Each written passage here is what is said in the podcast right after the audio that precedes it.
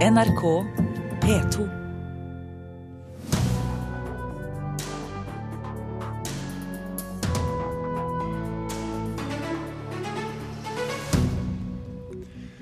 Arbeiderpartiet er usikre på DAB-teknologien, om den vil være god nok for beredskapen. Nå står de tvil om omleggingen. Og Bård Tufte Johansen vil ha skarpere satire når han tar over Nytt på nytt etter Jon Almås. Almås hadde sin siste innspilling i går. Og Rolling Stones er ute med nytt album der de går tilbake til røttene, og i deres tilfelle rockens dypeste røtter. Dessuten blir det jo fredagspanel i dag, og vi skal diskutere lokalaviser som legger ned lørdagsutgaven, norskfaget som degenererer til et måleinstrument, og hva politikerne skal gjøre med stakkars norske artister som blir spilt mindre på radio etter DAB-teknologien kommer inn. Det blir gøy. Hvis det da blir DAB-teknologi som kommer inn. Fordi nå skaper Arbeiderpartiet usikkerhet eh, de kan, som kan føre til at FM-sendingene på radio ikke blir stengt likevel.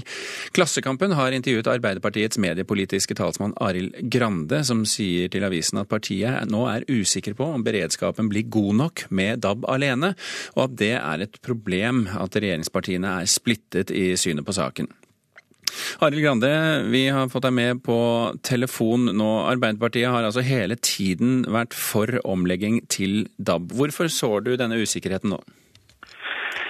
Nei, Vi eh, er tydelige på at vi ønsker denne omleggingen og har ikke noe ønske om at eh, det skal utsettes. Eh, men vi vet faktisk ikke hvordan vi skal forholde oss til det faktum at ett av to regjeringspartier nå kjemper mot slukking av FM og sprer påstander om hva det vil føre til. Eh, og Det gjør at vi blir usikre på om kulturministeren har kontroll på egne tropper, om Fremskrittspartiet vet noe som Stortinget ikke vet. Og Derfor så er vårt budskap at kulturministeren må komme på banen, eh, klargjøre at hele regjeringa står bak eh, det regjeringa har sagt til Stortinget, sånn at vi kan føle oss trygge på å forsere denne omleggingen fra nyttår. Men, men, bare for å stokke, eller få orden i kortene her, Grande.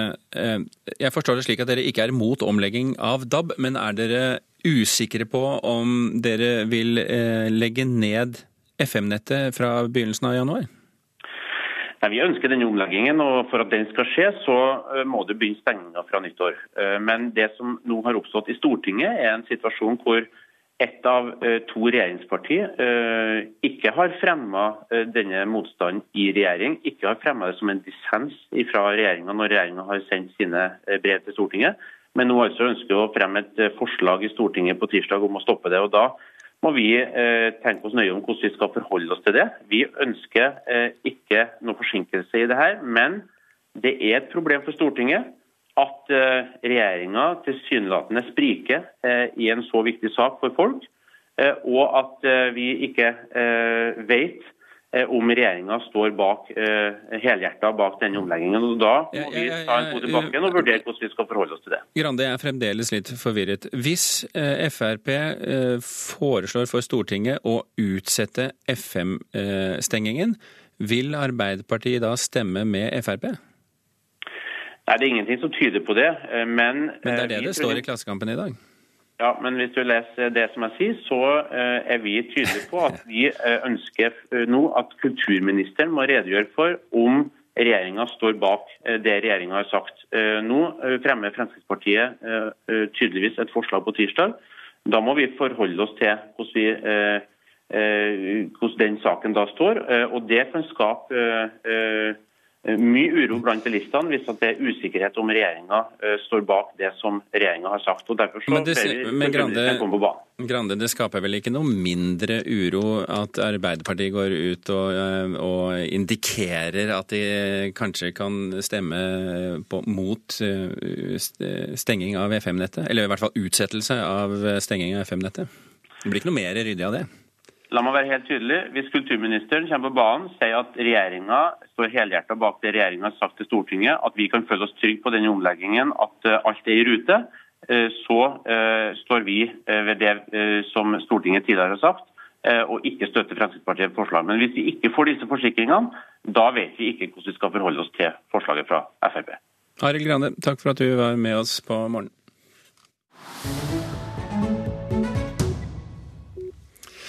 Etter hele 484 sendinger takker nå Jon Almås av som programleder i Nytt på Nytt. Bård Tufte Johansen overtar rollen som programleder i det som har vært Norges mest populære TV-show i en årrekke. I går var det siste kveld med gjengen. Utvidet utgave.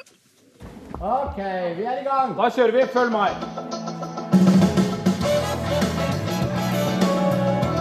Straks kjempejubel. Slik hørtes det ut i går kveld, da NRK for aller siste gang lagde en utgave av Nytt på Nytt med Jon Almås som programleder. 17 år har det gått siden han debuterte i rollen. Og i løpet av den perioden har satireshowet vokst seg større og viktigere for NRK enn noen kunne forestille seg. I mange, mange år har det vært Norges aller mest sette TV-program. Koselig å se deg igjen. Jo, det. Du ser jo omtrent like ut som før. Litt tjukkere, litt mer farge. Nei, du er ikke blitt så tjukk som jeg trodde. En slags form for gjensynsglede mellom Almås og tidligere fast Nytt på Nytt-medlem Linn Skåber. I Almås sitt siste show gjør hun og Knut Nærum comeback i panelet for å raljere over mulla Krekar, budsjettforhandlinger og andre ting som har skjedd i nyhetene den siste uka. Det var veldig hyggelig. Jeg var litt nervøs, faktisk. fordi det er veldig lenge siden, og man husker nesten ikke hvordan det var i studio. Men det ble veldig hyggelig med en gang. Det er jo liksom Jeg kjente igjen dekken, for å si det sånn. Men jeg satt på den andre siden, og det pleier jeg jo ikke å gjøre. Så jeg følte meg litt som gjest likevel. Nei, det har ennå ikke seget inn at dette er At liksom nå er boka lukket. Det, den følelsen har ikke kommet ennå. Men jeg liksom, jeg er på siste kapittel, og så Jeg tenker at i januar når jeg for første gang liksom i januar ikke skal tilbake hit og ikke gå i studio og ikke begynne å gå gjennom saker og ikke lage Nytt på nytt, da kommer jeg til å Jeg tror det er da det går opp for meg at eh, jeg faktisk har slutta. Ny mann til å overta programlederstolen er Bård Tufte Johansen. Han antyder at han har ambisjoner om å bringe skarpere satire til Nytt på Nytt. Ja, det, jeg syns jo det, det, er litt rart med Nytt på Nytt. For ofte så er det jo ting som sies der som i andre program ville det blitt litt oppstuss. Men det har blitt en litt sånn, uh, et veldig sånn koselig program hvor det meste kan sies. Uh, uh, det føles som man kan si ja, vel, alt var ikke dårlig med Hitler. Og så sitter folk og sier ja, det er sant, det. ta på spissen, da. Så målet er kanskje å prøve å røske litt opp i det, da. ja, ting skal alltid være en utvikling, vet du. Så det er veldig viktig. Jeg tror det er veldig viktig det som skjer. Jeg tror Jon har godt av det. Uh, nytt på nytt veit jeg ikke om han har gått for det, men jeg har i hvert fall gått av Bård. Så om han drar det til litt, så blir det i forhold til hans personlighet, og det tror jeg kan bli, jeg kan bli veldig fint. Nei, det, Han er jo en helt annen type enn meg. Han er jo mer en eh, komiker. Så eh, om noe så vil han jo klare å gjøre det enda morsommere. Men det at Jon Almås har hatt jobben i 17 år, betyr slett ikke at Bård Tufte Johansen har tenkt å gjøre det samme. Jeg garanterer at uh, ikke jeg uh, er der i 17 år. Jeg blir nok spurt lenge for det om jeg kan ta frokost-TV. Sa, det sa Bård Tufte Johansen. Og Jon Almås, siste Nytt på Nytt sendes på NRK1 i kveld. Vanlig tid klokka fem på ni. Reporter her det var Oddvin Aune. Humorforsker Maja Løvland, velkommen til Kulturnytt. Takk. Bør Nytt på Nytt-fansen være bekymret for fremtiden til programmet nå som Almås takker av? Det tror jeg ikke. Det er Enkelt og greit. Ja, det tror jeg ikke. Det kan ta litt tid, kanskje, for at det skal nå de samme høydene. For Bård Tufte er jo en helt annen type, akkurat som Jon Almaas sa her. Han må antagelig spisse sin karakter. Det er jo roller de spiller, og Jon Almaas er en veldig tydelig lederfigur som folk kjenner igjen. Og han kan si, som Bård også sa i reportasjen, han kan si nesten hva som helst, og det går hjem. Fordi han er en han er så tydelig. Og Bård, hvem er Bård egentlig? Han er en litt annen type. Men uh, han er en mann, 44 år, som show, det siste showet hans het også. Men uh, han kommer nok helt sikkert til å klare det bra. Han er en dyktig komiker. Hvordan tror du han vil sette preg Altså hans litt mer satiriske stil, hvordan uh, tror du ja, Forutsatt at det blir mer satirisk stil, men altså litt hardere satire. Hvordan tror du det vil sette preg på de andre i showet? Ja, det kan jo Altså, det som er så fint med Nytt på Nytt, det er jo at de, de kan si nesten hva som helst. Og det kommer nok av at er, konseptet er så utrolig gjennomarbeidet. Og, og, så er det rom for å leke. Så du, har, du får uansett en Altså, man føler at det er en bra arena, og man kan eksperimentere der. Og, og, og den er allikevel bred. Sånn at eh, jeg tror at det skal tåle det også. Men hva er grunnen, hva er liksom suksessfaktoren for Nytt på Nytt som har gjort at det har vært så vidt populært eh, i så, såpass mange år?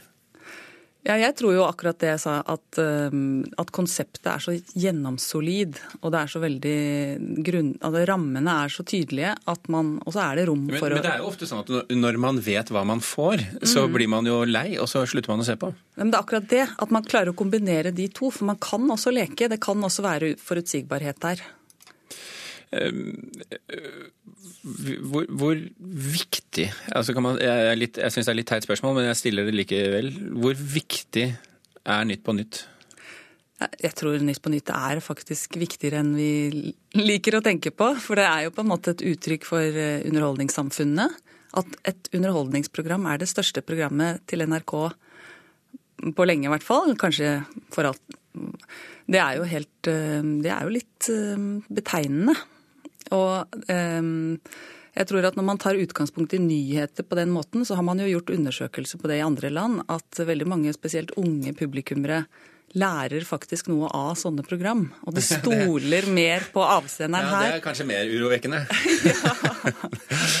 ok, Maja Løvland, eh, takk for at du kom til eh, Kulturnytt. Vi skal over i en helt annen bransje.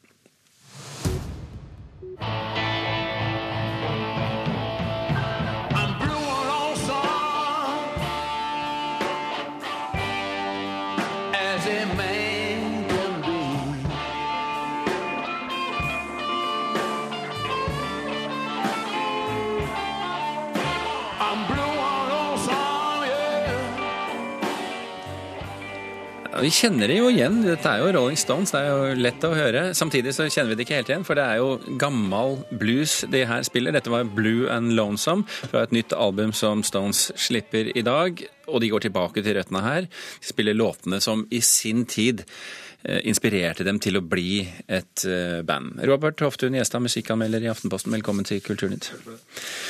Stones har jo, må vi kunne si, litt, litt, av en sånn slags kreativ tørke de siste årene. Ehm, var dette et lurt grep? Det var kjempesmart. Eh, jeg trodde jeg nesten ikke jeg skjønte sjøl engang hvor smart det var, før de plutselig satt eh, i det. Er du litt, litt overrasket selv? Ja, veldig. Eh, de har jo levert utrolig bra live de siste årene. Det har ikke vært noe tvil om at det har vært energi og, og, og bra trøkk i bandet. Eh, men platemessig så vet jeg nesten ikke hvor langt vi må gå tilbake før vi finner en, en gjennomsolid plate. Det har vært enkeltlåter her og der, men eh, kanskje vi må helt tilbake til 78 for å finne en skikkelig bra plate. Og da er det jo overraskende at det plutselig så sitter som et album. Burde de gjort dette før, med andre ord? Ja, det kan en jo si nå. Eh, den der bluesen har jo vært med dem hele, hele, veien. Det er jo bluesen som er grunnen til at Rolling Stones finnes. Eh, så de har jo hatt det med seg hele tida. Eh, og i starten så spilte de jo coverlåta av, av, blues. Og dette er jo coverlåter på? Ja, det er bare coverlåter, bare coverlåter av litt sånn stort sett litt ukjente ting fra 50-tallet, som, som, var liksom deres oppvekst. Hvordan ble dette albumet til rent praktisk? Nei, historien den forteller sjøl, er at, at uh, altså Keith Richards har jo eh, han ga jo ut et soloplate i fjor som var full av eh, bluesreferanser og blueslåter. ting han laga sjøl. Han snakker jo ikke om annen blues egentlig enn han har gjort de siste ti årene. Men så gikk ryktene, hele historien sier at de gikk i studio for å spille inn egne, nye egne låter. Så funka det rett og slett ikke. Lyden i bandet var for dårlig. De fikk det liksom ikke til, og så foreslo først Keith at ja, men la oss ta en gammel blueslåt bare for å varme opp. Og så tok de jo opp, og den satt jo som en kule. De hadde noen produsenter som ja, tenkte dette tar vi opp? Ja, vi tar det opp, liksom. Vi har det på bånn, vi tar det opp. Og så satt det som en kule, og så var det Mick Jagger som sa nei, men herregud, ta en Howling Wolf-låt til, da. Eh, og så satt jo den også som en kule, og dermed så var på en måte hele plata spilt inn på tre dager. Mm. Så den ramla litt ned over den, tror jeg. Så dette er eh, grunnen til at du gir den terningkast fem i Aftenposten i dag? Ja, altså Grunnen til det er jo at det, det er jo ikke noe, sånn, nødvendigvis en sånn kjempeviktig plate. Altså Den viktige bluesplatene eh, kommer jo på 50- og tidlig 60-tall. Eh, men det er en kjempebra plate. og det er en sånn vital plate fra tidenes største rockeband. Eh, han høres ut som han er 23 og ikke 73. Han er frontmannen der han virrer rundt og synger og spiller munnspill. Neste låta vi skal høre heter I Can't Quit You Baby, men vi er nødt til å quitte med deg nå, eh, Robert Hoftun Gjestad. Vi skal snart ha fredagspanel. Vi skal høre en liten snutt til likevel. Takk for at du kom til Kulturnytt.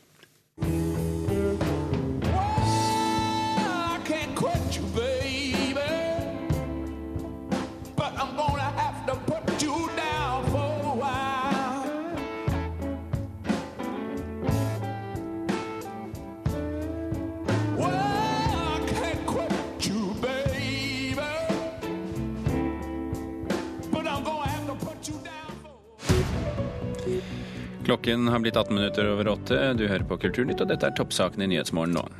En av tre funksjonshemmede har fått stygge kommentarer og trusler. Det trengs mer kunnskap, og vi har alle et ansvar, sier likestillingsminister Solveig Horne. De mest populære fastlegene har allerede fått lange ventelister etter at ordningen ble innført eh, denne uken. Og James Mattis blir forsvarsminister i USA. Kallenavnet til veteranen fra Afghanistan og Irak-krigen er Mad Dog. Og da har vi fått uh, vaglet vårt fredagspanel, uh, i dag bestående av Mode Steinkjer, kulturredaktør i Dagsavisen, Tom Remlov, direktør i Riksteatret, og Ragna Nordenborg, programleder her i NRK P13. Velkommen, alle mann. Takk. Takk. Norske lokalaviser skjelver i buksene, og grunnen til det er at de opplever det de opplever som leveringsproblemer av lørdagsavisen. Sju lokalaviser har valgt å droppe lørdagsavis etter at selskapet Kvikkas overtok Postens avisdistribusjon på lørdager, og flere er nå i tenkeboksen. Men de er ikke de første som har eh, droppet lørdagsavisene, så spørsmålet vårt er er det bekvemmelig for norske lokalavisredaktører å legge skylden på Kvikkas? Nei, jeg tror ikke det. Jo, det kan høres sånn ut. Tja Remlov, hva tenker du? Nei, altså Dette har jeg jo egentlig ingen forutsetning for å mene noe fyndig om. og Det er derfor jeg svarer som jeg, som jeg gjør. For å si det sånn, Men du har da lest deg litt opp jeg har lest i anledning litt opp, dagen? Uh, absolutt. Så, såpass uh, skal jeg påberope meg. Men poenget er egentlig på seg selv, sier man andre. Uh, jeg har, det jeg har lest om dette, tyder på at, at de har fått en kjærkommen årsak til å økonomisere. Til å stramme inn på sin økonomi. Og det er jo noe vi strever med, alle vi som leder den typen virksomheter. Og jeg vet sannelig ikke om de vil komme til å gi sine lesere et så fryktelig mye dårligere tilbud ved at det distribueres på fredager. Ja, ja jeg, jeg, er ikke inne i hodene på alle avisredaktører, men de jeg har lest om som setter seg i båten og ror langs fjorder i Norge for å få det ut til leserne, de syns jeg i hvert fall gjør en helt modig innsats for å få lørdagsavisa ut. Men, men, det er jo mulig at man rasjonaliserer, som Tom sier. At nå er, det, nå er vi i en overgangsfase i, i, livene våre hvor ting blir mer og mer digitalt. Og da, og da kan man jo tenke seg at nei, når det blir så klundrete, så kan vi jo bare legge ned ett tilbud. Men bare si det at det er noe veldig sånn, det er noe veldig sånn eh, hva skal jeg si, voldsomt sånn eh, selvdiggende ved å kalle seg selv for Kvikkas, f.eks. Også, også det samme det, med Helt hjem, ja. som, som det er avisenes egen. Men det er et egen. annet Jeg spørsmål. bare tenker, Er ikke det litt for sånn, er, ikke, de- er de ramma av hybris? De burde jo kalle noe helt annet hvis de Dette, ikke dette, klarer å levere. dette handler ikke om Kvikkas. De, de er, eh, om ikke uskyldige i det hele, så er de i hvert fall de, Vi antar at de prøver å gjøre så godt de kan. Mode Steinkjer, avismannen, eh, mente at dette ikke var tilfellet. Kvikkas er i hvert fall en aktør i dette her, og det er også Rett Hjem og de andre. Eh, Jeg tror nok også, som, som Tom og Ragna sier, at, at noen her ser at de kan rasjonalisere ved å gi ut en stor fredagsavis i stedet. Men de fleste avisredaktører de vil gjerne ha en avis ut på lørdagen til sine lesere. Det er fortsatt lørdag som er den store avisdagen. Du setter deg ikke med torsdagsavisa eller tirsdagsavisa og koser deg i helga. Men du setter deg kanskje ned med fredagshelgeavisen? Også den vil nok, eh, vel nok i stor grad være, være gammel når man kommer til lørdagen. Det, det dette handler om er at de vil gjerne komme ut på lørdager. De har et ansvar for sine lesere, for sine abonnenter som bor på steder hvor det er veldig vanskelig å komme ut med avisen hvis det ikke er et velfungerende system. Eh, Og det man ser er jo at systemet her har kollapsa. Men, men, hva, men hva, da med de som, hva da med de som faktisk har lagt ned lørdagsavisen og, og holder seg til en fredagshelgeavis for lokalavisen? Det vi, vi, vi, det vil nok vise seg hvorvidt dette her eh, er attraktivt for abonnenter, eh, og da kun ha en fredagsavis eh, som inngang til helga. Jeg tror nok at, at redaktørene kanskje på sikt ville rasjonalisert også, men de ville ikke gjort det på dette tidspunktet her. Det er for tidlig, for pengene ligger i helga. Vi hopper videre, og norskfaget skal det handle om nå.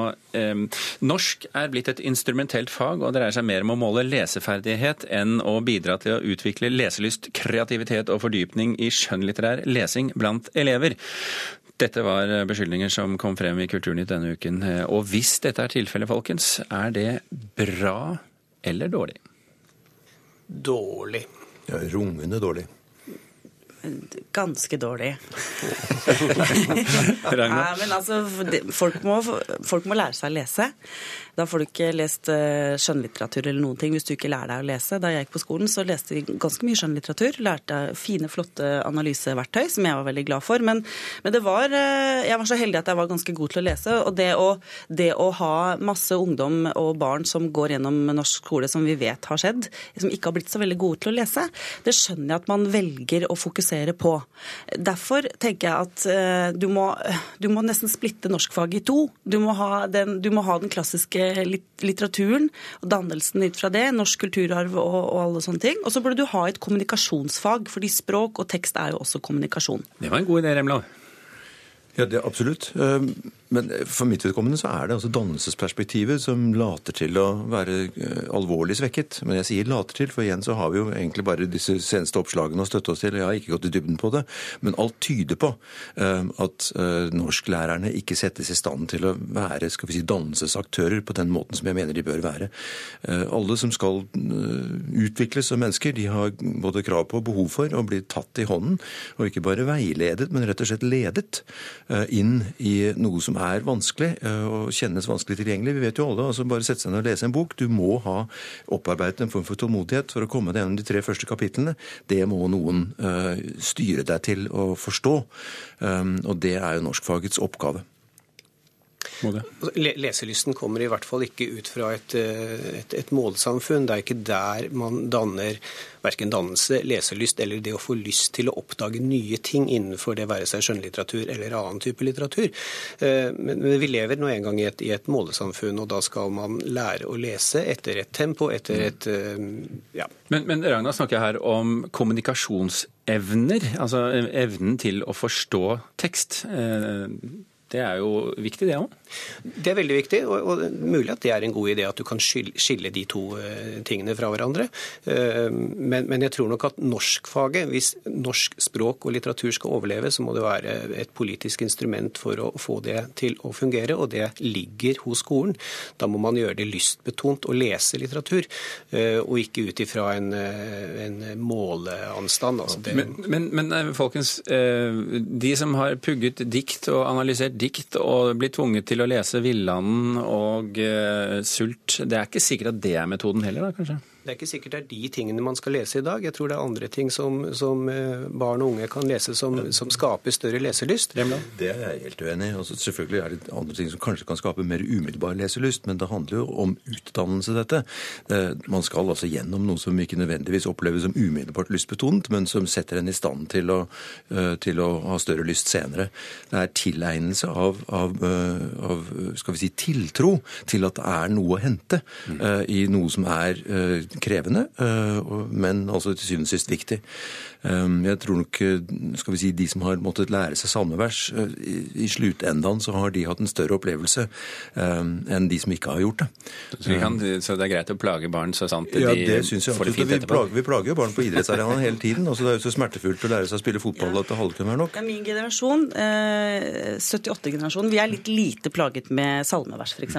Ja, som gjør at når man er på gudstjenesten, ja. mm. så sitter vi der og bare piper og later som vi kan teksten. Fortapt generasjon.